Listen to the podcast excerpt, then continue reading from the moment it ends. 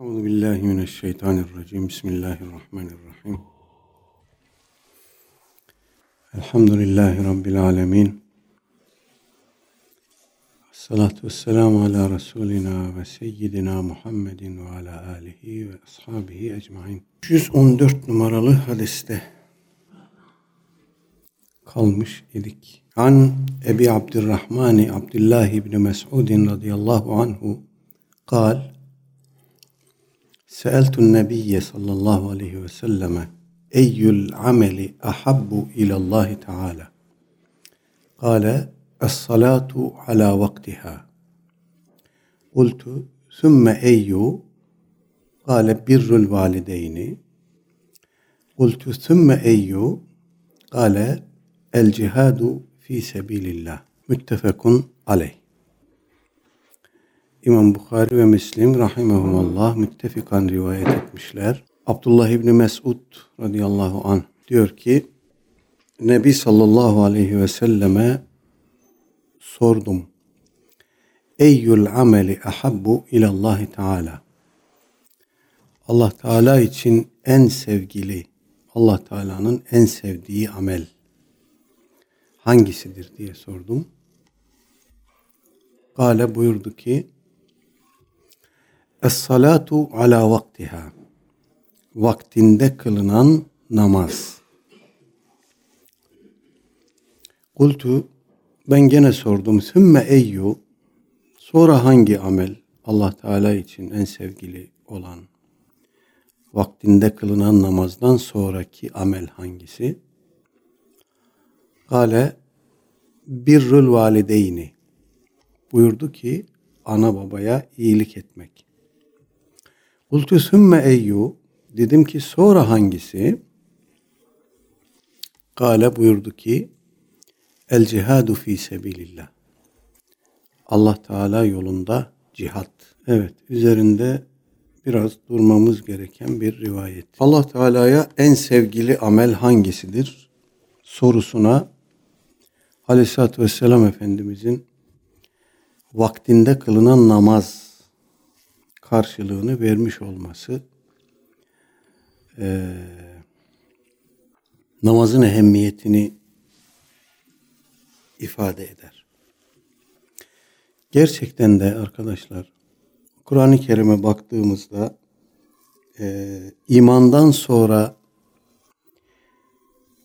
benim tespit edebildiğim kadarıyla imandan sonra e, en fazla zikredilen amel namaz. Buna da şaşırmamak lazım. Daha evvel e, değinmiştik. Allah Teala namaza öyle bir e, hususiyet vermiş ki namaz adeta diğer bütün amelleri İslam'ın o beş amelinin tamamını, beş şartının tamamını e, bünyesinde barındırıyor. E, namazdayken herhangi bir şey yiyip içemiyoruz. Aynı zamanda bir anlamda oruçluyuz. Cenab-ı Hakk'ın huzuruna duruyoruz. Mekke-i Mükerreme'ye doğru yönümüzü dönüyoruz. Bir anlamda hac ya da umre yapıyoruz. E, Kur'an okuyoruz, kelime-i şehadet getiriyoruz. Efendim, bedenimizin zekatını ödüyoruz. Bütün bunlar namazın cami, toplayan bir ibadet olduğunu, dolayısıyla e, Müslümanlığımızın temelinde yer aldığını bize çok net bir şekilde ifade ediyor. Namazla irtibatı kopmayan insanın e, akıbetinin hayırla kapanacağı umulur. Namaz üzere devam eden, namaza devam eden e, kimsenin. Namaz konusunda e, Kur'an ve sünnette yer alan ifade ikamet kelimesiyle beraber yer alıyor. Mutlak surette bu namaz dediğimiz ibadet, salat kelimesi malum Arapçada farklı anlamlara geliyor. Dua anlamına geliyor. Genel olarak ibadet anlamına geliyor. Efendim. Ama ikame kelimesiyle beraber kullanıldığında bunun namaz olduğunu anlıyoruz. Bu da boşuna değil, namazın dost doğru kılınması gereken bir ibadet olduğunu vurguluyor bu durum. Yani zekatı eda etmek diyoruz, vermek anlamında. Savun, oruç tutmak anlamında. Efendim, Haccül Beyt, Kabe-i Muazzama'yı ziyaret etmek, hac etmek anlamında. E bunların e, bir anlamda salt zikrediliyor olması karşısında namazın ikame tabiriyle anlatılıyor olmasının şüphesiz bir vurgu ihtiva ettiği açıktır. O yüzden e, namazın insanı fahşa ve münkerden alıkoyduğunu Cenab-ı Hak açık bir şekilde ifade buyuruyor Kur'an'da. Enteresandır. Milletin aklını Kur'an Kur'an diyerek bulandıran ve yakın bir geçmişte ölmüş olan hepinizin çok yakından tanıdığı bir vatandaş ömrünün son demlerinde namazı bu ümmetin başına bela ettiler diye bir ifade kullanmıştı. Muhtemelen zan yapmayalım ama namazla bir problemi vardı belki. Bilmiyoruz. Yoksa namaz vurgusundan bir insan niye bu kadar rahatsız olur ki? Namazı bu ümmetin başına bela ettiler derken sürekli namazın vurgulanmasından bir rahatsızlık hissediyor. Yoksa aynı şekilde oruç da vurgulanıyor, hac da vurgulanıyor, zekat da vurgulanıyor. Ama bunlardan çok rahatsız değil, namazdan rahatsız. Çok ilginç. Bir televizyon programında ben de duymuştum, izlemiştim. Namazı bu milletin başına bela ettiler. Ne kastediyordu? Ee, namazı öne çıkarttılar. Namaz, namaz, namaz dediler. Namazı kılan insan sanki diğer bütün mükellefiyetlerini yerine getiriyormuş gibi böyle bir takdimde e, bulundular. Efendim ama namaz kıldılar, faiz yediler, namaz kıldılar, yalan söylediler, namaz kıldılar, aldattılar demek istiyor. Bu kastı bu. Fakat bunun namazla bağlantılandırılması çok garip. Yani hacca giden de yalan söyler. Oruç tutan da başkasını aldatır, haksızlık yapar, şunu yapar, bunu yapar. Burada özellikle namazın zikredilmiş olması insana onu düşündürüyor ki bu vatandaşın namazla bir problemi vardı belki de. Vatandaş deizmi öve öve gitti. Deist oldu mu olmadı mı bilmiyoruz ama deizmi metede de gitmesi ibretlik bir şeydir. Evvela Cenab-ı Hak'tan hidayet dileyelim. Ayaklarımızı sırat-ı müstakim üzere sabit kılmasını dileyelim. Ee, ne kadar itibarsızlaştırmaya çalışsalar da biz namaza devam edelim ve namazın her rekatinde Fatiha-i Şerife'yi okurken ihtinas sıratal mustakim diyelim ve onu düşünelim, tefekkür edelim. Beş vakit namazın her rekatinde Fatiha okuyoruz. Ve diyoruz ki ya Rabbi bizi sırat-ı müstakime hidayet et. Çok cali bir dikkat bir şeydir. Bu kadar namaz vurgusu Cenab-ı Hak Kur'an'da yapmış. Peygamber Efendimiz sünnet-i seniyesinde bunu yapmış. Bu namazdan niye bu kadar rahatsız bu insanlar? Ee, o haleti ruhiyeyi bilmiyoruz tabii. Ben Müslümanım diyen bir insan böyle bir cümle kurarken nasıl bir ruh hali içindedir? Onu bizim bilmemiz, hissetmemiz mümkün değil. Ama bir rahatsızlık olduğu açıktır. Burada ciddi, derin bir problem olduğu açıktır. Ee, insanlara böyle söylemeyin de derdiniz namaz kılan insanların namaza aykırı bir hayat yaşamasını ifade etmekse bunu böyle söylemeyin. Deyin ki kıldığınız namaza liyakat kesbetmeye çalışın. Allah'ın huzurunda duruyorsunuz. Bu namazın sizi fahşa ve münkerden alıkoyması lazım. Alıkoymuyorsa o kıldığınız namaz değildir. Aman namaza dönün, namazı ikame etmeye çalışın diye namazı vurgulamanız lazım. Namazdan milleti soğutacak ifadeler e, kullanmayın. Allah korusun bu e, akıbetleriyle ilgili insana e, olumsuz çağrışımlar yaptırıyor. Cenab-ı Hak ayaklarımızı kaydırmasın. Allah Teala'nın en sevdiği amel hangisidir sorusuna Aleyhisselatü Vesselam Efendimiz vaktinde kılınan namazdır buyurmuş. Hoşunuza gitsin ya da gitmesin. Kur'an'da da böyledir, sünnette de böyledir. Müminlerin şuurunda, bilincinde, e, algısında da böyledir. Bu es-salatu ala vaktiha bazı varyantlarda, bazı e, metinlerde es-salatu ala e, yerine li vaktiha şeklinde geliyor. Anlam değişmez. Bazen e, bazı tercüme eserlerde e, bir kısım rivayetlerden gene hareketle namazın ilk vaktinde kılınması şeklinde bir ifadeye rastlıyoruz. Es-salatu evvele vaktiha veya es-salatu li evveli vaktiha şeklinde geliyor.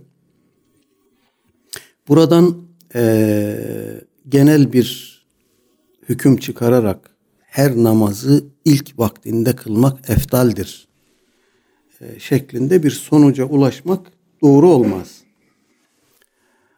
Allahu alem belki burada bir manayla rivayet var. Es-salatu ala vaktiha, es-salatu li vaktiha, es-salatu li evveli vaktiha şeklinde manayla bir rivayet ravinin anladığı şeyi ifade etmesi ki hadis rivayetlerinde buna zaman zaman rastlıyoruz. Ee, Aleyhisselatü Vesselam Efendimizin kastı bu değildir. Çünkü başka rivayetlerde her bir namaz için, beş vakit namazdan her biri için Aleyhisselatü Vesselam Efendimizin en eftal vaktini vurgulama bağlamında farklı şeyler e, tavsiye ettiğini biliyoruz. Ez cümle Hanefilere göre e, sabah namazının eftal vakti isfar dediğimiz vakit yani e, uzaktaki bir nesne insan mıdır, ağaç mıdır belli olacak kadar henüz güneş doğmadı ama ortalık ağarmaya başladı. Efendim e, işte o vakittir. Sahabe-i kiramdan bazıları diyorlar ki biz aleyhissalatü vesselam Efendimizle sabah namazını kılardık. Sonra dağılırdık mescitten çıkınca kişi bir ok attığında okun gidip düştüğü yeri görürdü. Ama henüz güneş doğmamıştı. Dolayısıyla Hanefi mezhebine göre eftal vakit sabah namazında e, karanlığın açılmaya başladığı ve e, yavaş yavaş ortalığın ağarma tabirini kullanıyoruz ya ağarmaya başladığı vakittir. Şafii mezhebinde o e, karanlıkla aydınlık henüz birbirinden ayrılmadı. O vakit en eftal vakittir. Ona da taglis diyorlar. Dolayısıyla sabah namazının vaktinde böyle bir eftal vaktinde daha doğrusu böyle bir ihtilaf var. Öğle namazının eftal vakti güneş batıya meyleder etmez. Ama mevsimden mevsime de değişiyor. Aleyhisselatü Vesselam Efendimizin özellikle sıcak yaz mevsiminde öğlen namazını biraz geciktirmeyi tavsiye ettiğini ebridu bis salat buyurmak suretiyle namazı soğutun e, buyurmak suretiyle biraz erteleyin. Bu tam güneşin tepede olduğu zaman veya biraz batıya meyletmeye başladı ama ortalığın o kızgın hali henüz geçmedi. Dolayısıyla biraz erteleyin, vakit biraz soğusun, güneşin etkisi biraz zayıflasın anlamında. Kışın öğlen namazının ilk vakti, yazın biraz daha erteleyerek kılmak eftaldir. İkindi namazı İmam Ebu Hanife Hazretlerine göre e, asr-ı sani dediğimiz eşyanın gölgesinin kendisinin iki katı e, uzunluğa ulaştığı zaman ikindi vaktinin asr-ı sanide kılınması, imameyne göre asr-ı evvelde kılınması, eşyanın gölgesinin kendi boyunda olmaya başladığı zaman ve ondan sonrası efendim akşam vaktinin akşam namazının eftal vaktinin güneş batar batmaz olduğunda neredeyse ittifak var. Ee, akşam namazını çok geciktirmemek lazım. Ee, ufuktaki e, kızıllık kaybolup o gümüşi renge döndüğü zaman güneş battıktan sonra işte o akşam namazının e, eftal vaktidir. E, akşam namazının vaktiyle sabah namazının vakti arasında eftal vakti ya da güneşin hareketi noktasında e, şöyle bir enteresan durum var. Gözlemişsinizdir mutlaka e, bilirsiniz. E, sabah güneş doğmadan önce ortalık ağırır. Gümüşi bir renge bürünür. Arkasından güneş doğmaya başladığında bir kızıllık başlar. Yani önce gümüşi renk, arkasından kızıllık. Akşam namazında ise önce kızıllık, bekleyeceğiz o kızıllık geçecek. Gümüşi renk başladığında akşam namazının vakti girmiş olacak.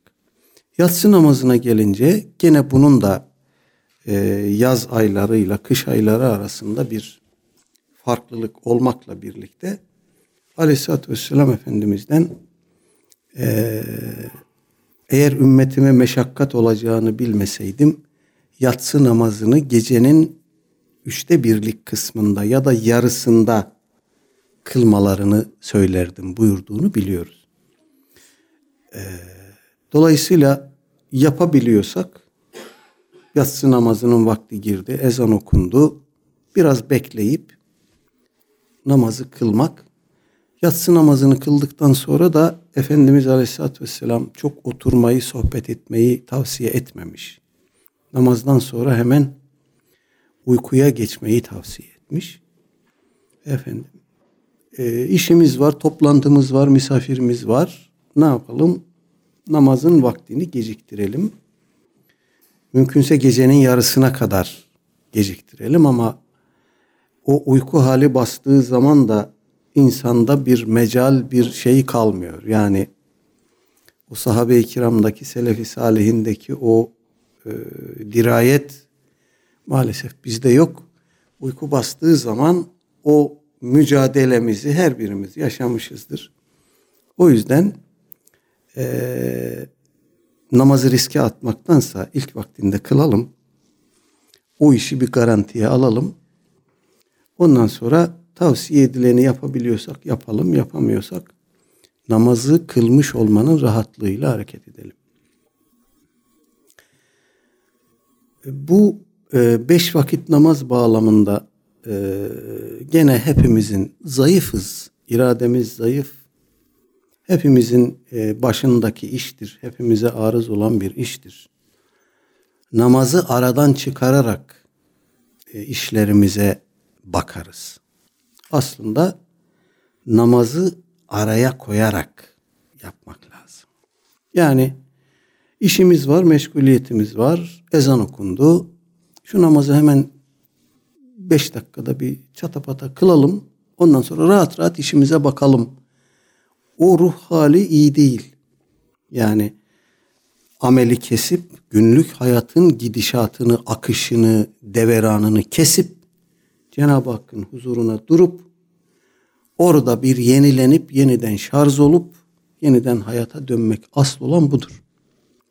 Yoksa beş dakika sonra televizyonda bir tartışma programı var. Ona bak ona yetiştirelim hemen beş dakikada bir namazı paldır küldür kılalım programı kaçırmayalım dersek o e, namaz hakkı verilmiş bir namaz olmuyor. Hepimizin başındaki iştir arkadaşlar. Hiç kimse bundan maalesef müstahni değil olanları tenzih ederek söyleyelim. Hepimizin başındaki iştir ama olması gereken de budur. Yani günde beş kere hayatın akışını durdurup kesip asıl işimize, vazifemize, mühimmemize dönmek, orada şarj olmak, arınmak, ondan sonra tekrar günlük hayatın akışına kaldığı yerden devam etmek. Asıl olan budur. Böyle bir namaz varsın başımıza bela olsun. Cenab-ı Hak böyle bir namazdan bizi mahrum etmesin. Asıl olan budur. Abdullah bin Mesud radıyallahu an sonra hangi amel diye sorunca aleyhissalatü vesselam Efendimiz birrül valideyn buyurmuş. Ana babaya iyilik. Ee, birkaç haftadır bu mesele üzerinde duruyoruz. Daha da duracağız. İleride buna dair gene rivayetler gelecek. Ee, sıla rahim bağlamında düşündüğümüz zaman meselenin merkezinde bir defa ana babaya karşı sorumluluğumuz var. Ana babaya iyilik derken yanlış anlamayalım. Ana babaya kıyak kastedilmiyor burada. Ana babaya karşı vazifeyi yerine getirmek. O ancak öyle olursa bir olur zaten. Ana babaya kıyak geçtiğimizi düşünmeye başladığımız anda o bir olmaz onun sevabı olmaz. Hatta onun bir kısım mahrumiyetlere yol açacağından korkulur. Ana babaya hürmetin, muhabbetin, onların gönlünü hoş tutmanın en gelen anlamıyla. Ana babanın gönlünü hoş tutmanın insanın hayatında gerçekten müthiş, muazzam e, oluşumlara yol açtığını, kapıları, pencereleri açtığını e, biliyoruz. Yaşayarak, hissederek biliyoruz. Daha evvel de söylemiştim. Enaniyetten Allah'a sığınırım. Ananız babanız yanınızdaysa deneyin. Kalpten, gönülden, içinizden gelerek, Allah rızasını gözeterek onların hatırını hoş tutmaya başladığınız anda hayatınız değişir. Manevi hayatınız değişir. Efendim, gidişatınız değişir. Hayatınız değişir kısacası. Bu bir sorumluluğun ifası anlamında yapılırsa böyledir. Onlara öf bile dememe şuuruyla yapılırsa böyledir. Yoksa anamıza babamıza kıyak yapıyoruz diye düşünürsek orada e, kaybederiz. İbn Mesud radıyallahu anh hazretleri üçüncü olarak tümme eyyu diye soruyor. Sonra hangisi? Efendimiz aleyhissalatü vesselam da el cihadu fi sebilillah Allah yolunda cihat. E bu mesele zaman zaman gündemimize geliyor. Daha da gelecek. E, ömrümüz olursa göreceğiz inşallah. Allah yolunda cihat e, bu modern zamanlarda en fazla örselenen, en fazla istismar edilen e, kavramlardan birisi, belki de birincisi. Allah yolunda cihat, Müslümanın Müslümanı öldürmesi değil. Müslümanın Müslümanı tekfir ederek boynunu vurması değil. Allah yolunda cihat, Müslümanın e, ilahi kelimetullah şuuruyla yaptığı bir amel. Allah'ın adını en yücelere, kelimesini, sözünü en yücelere çıkarmak, onun iradesini e, götürebildiğimiz en uzak noktalara götürebilme şuuru. Bunu yaparken de tabi e,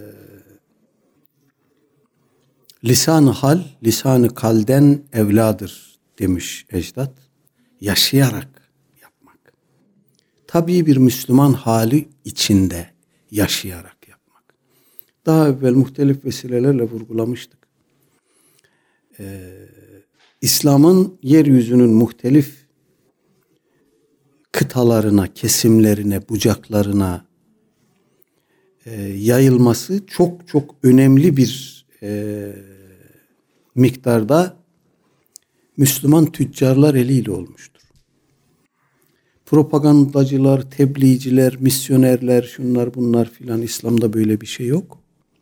Mesela Çin, Çin nasıl Çin'de bugün sayılarının 50 milyon civarında olduğu tahmin edilen Çinli Müslümanlar var. Bunlar nasıl Müslüman olmuş? Oraya giden Müslüman tüccarlar vesilesiyle. O tüccarlar İslam'ı bir hal olarak öyle bir yaşamışlar ki dürüstlük abidesi e, bir kitleyi karşısında gören gayrimüslimler mutlak surette bunun sebebini araştırıyor, bunun kaynağına iniyor ve bunun imandan kaynaklanan bir erdem olduğunu görüyor ve e, o hali paylaşıyor, o hali kuşanıyor daha doğrusu. Yeryüzünün pek çok bölgesine İslam bu şekilde gitmiştir. Tüccarlar vasıtasıyla gitmiştir. Ticaretinde e, dürüst olmak, ticaretinde aldatmamak, yapıcı olmak son derece önemlidir ve bu arkadaşlar aslında bir e, bir mümin refleksidir. Ahmet Cevdet Paşa merhum Tezakir diye bir e, eseri var. Orada bu bir anı kitabıdır, hatırattır bir anlamda. Ahmet Cevdet Paşa'yı biliyorsunuz. Büyük devlet adamı, büyük sadrazam, büyük alim. Osmanlı'nın yetiştirdiği zirve isimlerden birisidir. 1915 10 Balkan Savaşı'nın kapıya dayandığı bir hengamda Devlet Ali'yi Ahmet Cevdet Paşa'yı Balkanlara göndermiş. Kendisi de Bosnalıdır yanlış hatırlamıyorsam. E, Boşnaktır yani. Balkanlara göndermiş Ahmet Cevdet Paşa'yı. Orada bir ordu teşkil etsin. Kapıya savaş geliyorum diyor. Balkanları kaybetmeyelim. Orada bir ordu teşkil etsin diye Ahmet Cevdet Paşa'yı o bölgeye gönderiyorlar. Tabi onun oraya gittiğini duyan işte ilim adamları, talebeler, bürokratlar, devlet adamları vesaire hoca e, hocayla görüşmek istiyor. Ahmet Cevdet Paşa ile görüşmek istiyor. O da mümkün olduğunca herkesle görüşüyor. Bir gün de e, Bosna'da Osmanlı'nın açtığı bir ticaret mahkemesinin çalışanları, kadısı, mübaşiri, katibi vesaire e, paşadan randevu istiyorlar. Randevu veriyor paşa, geliyorlar. Selam aleyküm de aleyküm selamdan sonra diyorlar ki paşam bizim bir e, e, istirhamımız var. Devlet Aliye burada bu ticaret mahkemesini 3 seneden beri açtı. Biz burada görev yapıyoruz. Sizden istirhamımız şudur. Çoluk çocuğumuza haram para yedirmek istemiyoruz.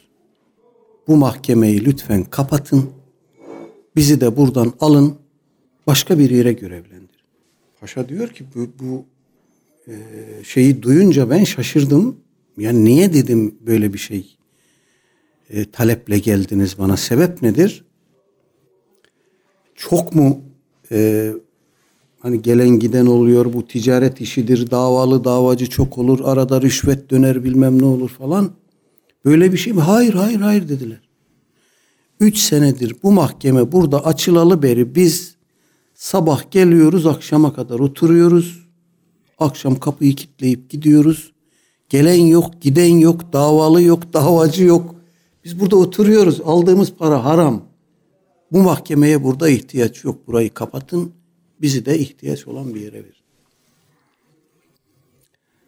Ahmet Cevdet Paşa da şaşırıyor. Bir ticaret mahkemesi bu. Hani normal başka davalara bakan bir mahkeme olsa anlarım da ben diyor bunu bir araştırayım. Gidiyor Bosna e, merkezdeki esnafı geziyor bir toptancı esnafına gidiyor. Adı da Merhemik Mehmet Ağa diye bir adam. Gidiyor, kendini tanıtıyor, tanışıyorlar. Diyor ki efendi siz nasıl alver yaparsınız? Burada herkes birbirini tanır, bilir. Toptancılar perakendecileri tanır. Perakendeci esnafı toptancıları tanır. Kimin ne ihtiyacı varsa gelirler toptancı olarak bize ihtiyaçlarını söylerler. Bizim burada hamallarımız, elemanlarımız o malları alır, arabalarına yüklerler. Ondan sonra e, iki pusula yazarız. Ne almışsak, ne vermişsek. Pusulanın bir sureti onlarda, bir sureti bizde kalır. Adam malı alır gider. Nasıl alır gider ya? Yani senet menet filan falan. Yok beyim paşam diyor bizde adet olmamıştır öyle şey bilmeyiz.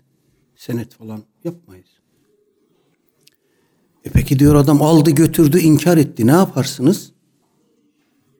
Adam birden ciddileşiyor diyor ki paşam ağzından çıkanı kulağın duyuyor mu? Bir adam aldığı şeyi nasıl inkar eder? Böyle şey olmaz.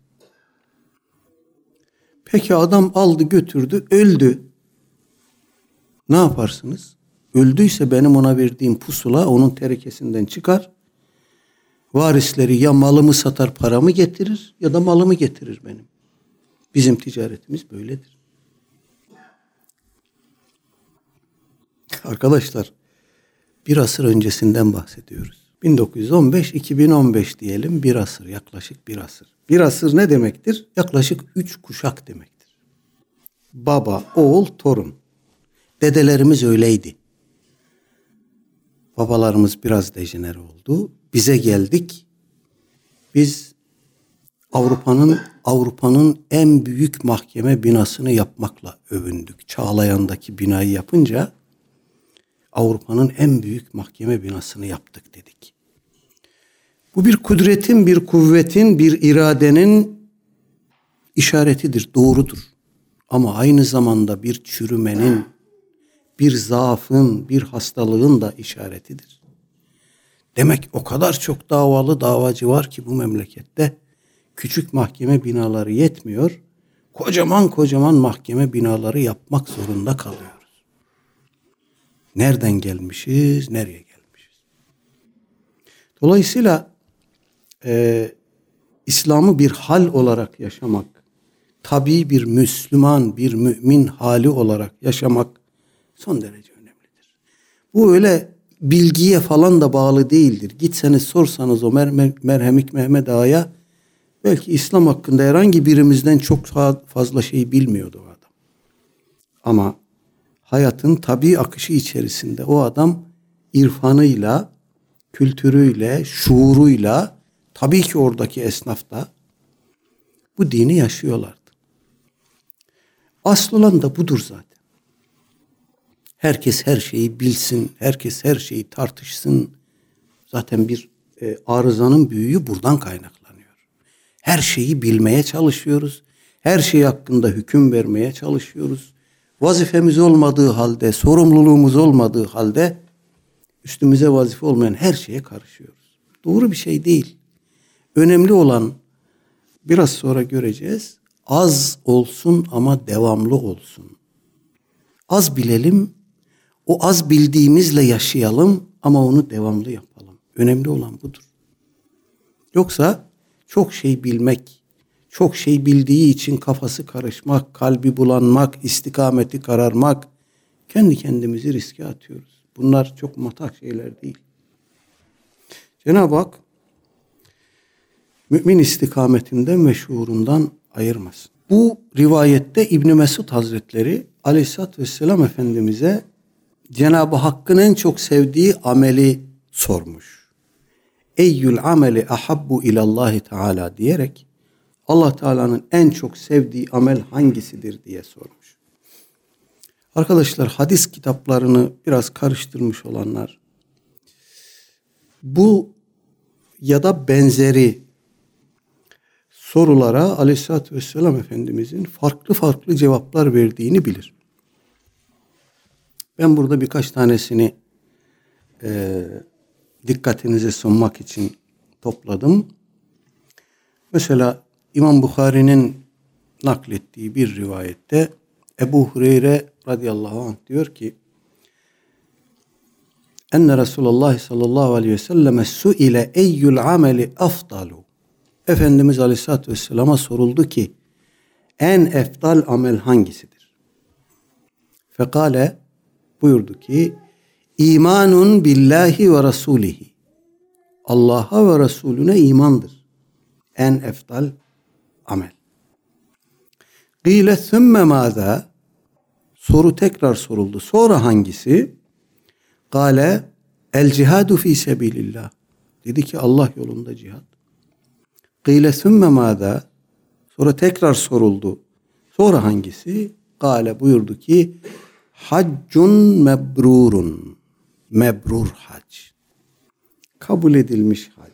Kişiyi arındırmış, tertemiz yapmış hac. Şurutuna, erkanına, efendim e, faziletlerine riayet edilerek, dikkat edilerek yapılmış bir hac. Bakın burada soruya biraz farklı bir cevap gördük. Gene İmam Bukhari naklediyor. An Aişe radıyallahu anha enne nebiye sallallahu aleyhi ve sellem kâne yahteciru hasiran billeyli. Ayşe annemiz diyor ki radıyallahu anha Peygamber aleyhissalatü vesselamın geceleri edindiği bir hasır vardı. Fe yusalli geceleri onun üzerinde namaz kılardı. Ve yapsutuhu bin nehar fe yeclisu aleyhi. Gündüz de onu yaygı yapar üzerine otururdu. Hasır. Fe cealen nasu yethubune ilen nebiyyi sallallahu aleyhi ve sellem. İnsanlar Peygamber aleyhissalatü vesselamın bu amelini gördüler, fark ettiler. Efendim fe yusallune bi salatihi onun gece kıldığı bu namazı kılmaya başladılar. Hatta kesuru derken sayıları arttı ya Mescid-i Nebi'ye geliyorlar. Efendimizin namaz kıldığını görünce orada cemaat nafile namaz kılmak için efendim bir gayret içine giriyor ve sayıları artıyor. Fe akbale fe kal. Aleyhissalatü vesselam Efendimiz bunu görünce insanlara yöneliyor ve buyuruyor ki Ya eyyühen nas Ey insanlar Huzu minel a'mali ma tutikun Amellerden yapabildiğiniz kadarını alın. Yani ne kadarını yapmaya güç yetiriyorsanız, ne kadarını devam ettirebilecekseniz o kadarını adet edinin, itiyat edinin. Fe innallâhe la yemellu hatta temellu. Siz bıkıp usanır, usanıncaya kadar Cenab-ı Hak size sevap yazmaktan bıkmaz. Bir benzetme ifadesi. Ve inne ahabbel a'mali ilallah hiç şüphe yok ki Allah Teala'nın en sevdiği amel ma dame ve in kalle devamlı olandır. Az dahi olsa devamlı olandır. Bakın burada farklı bir şey çıktı. Kendinize bir nafile namaz kılma ya da Kur'an'dan bir bölüm okuma ya da oruç tutma şeklinde bir nafile ibadet belirlediniz. Ben bunu yapacağım dediniz. Asıl olan çok yapmak değil. Çok yapınca bir süre sonra bıkar bırakırsınız. Efendim. Dolayısıyla asıl olan az olsun, devamlı olsun. Cenab-ı Hakk'ın en sevdiği amel burada da böyle çıktı karşımıza. Sallallahu ala seyyidina Muhammedin ve ala alihi ve sahbihi ecmain ve alihim velhamdülillahi rabbil alemin ve selamu aleyküm ve rahmetullahi ve berekatuhu.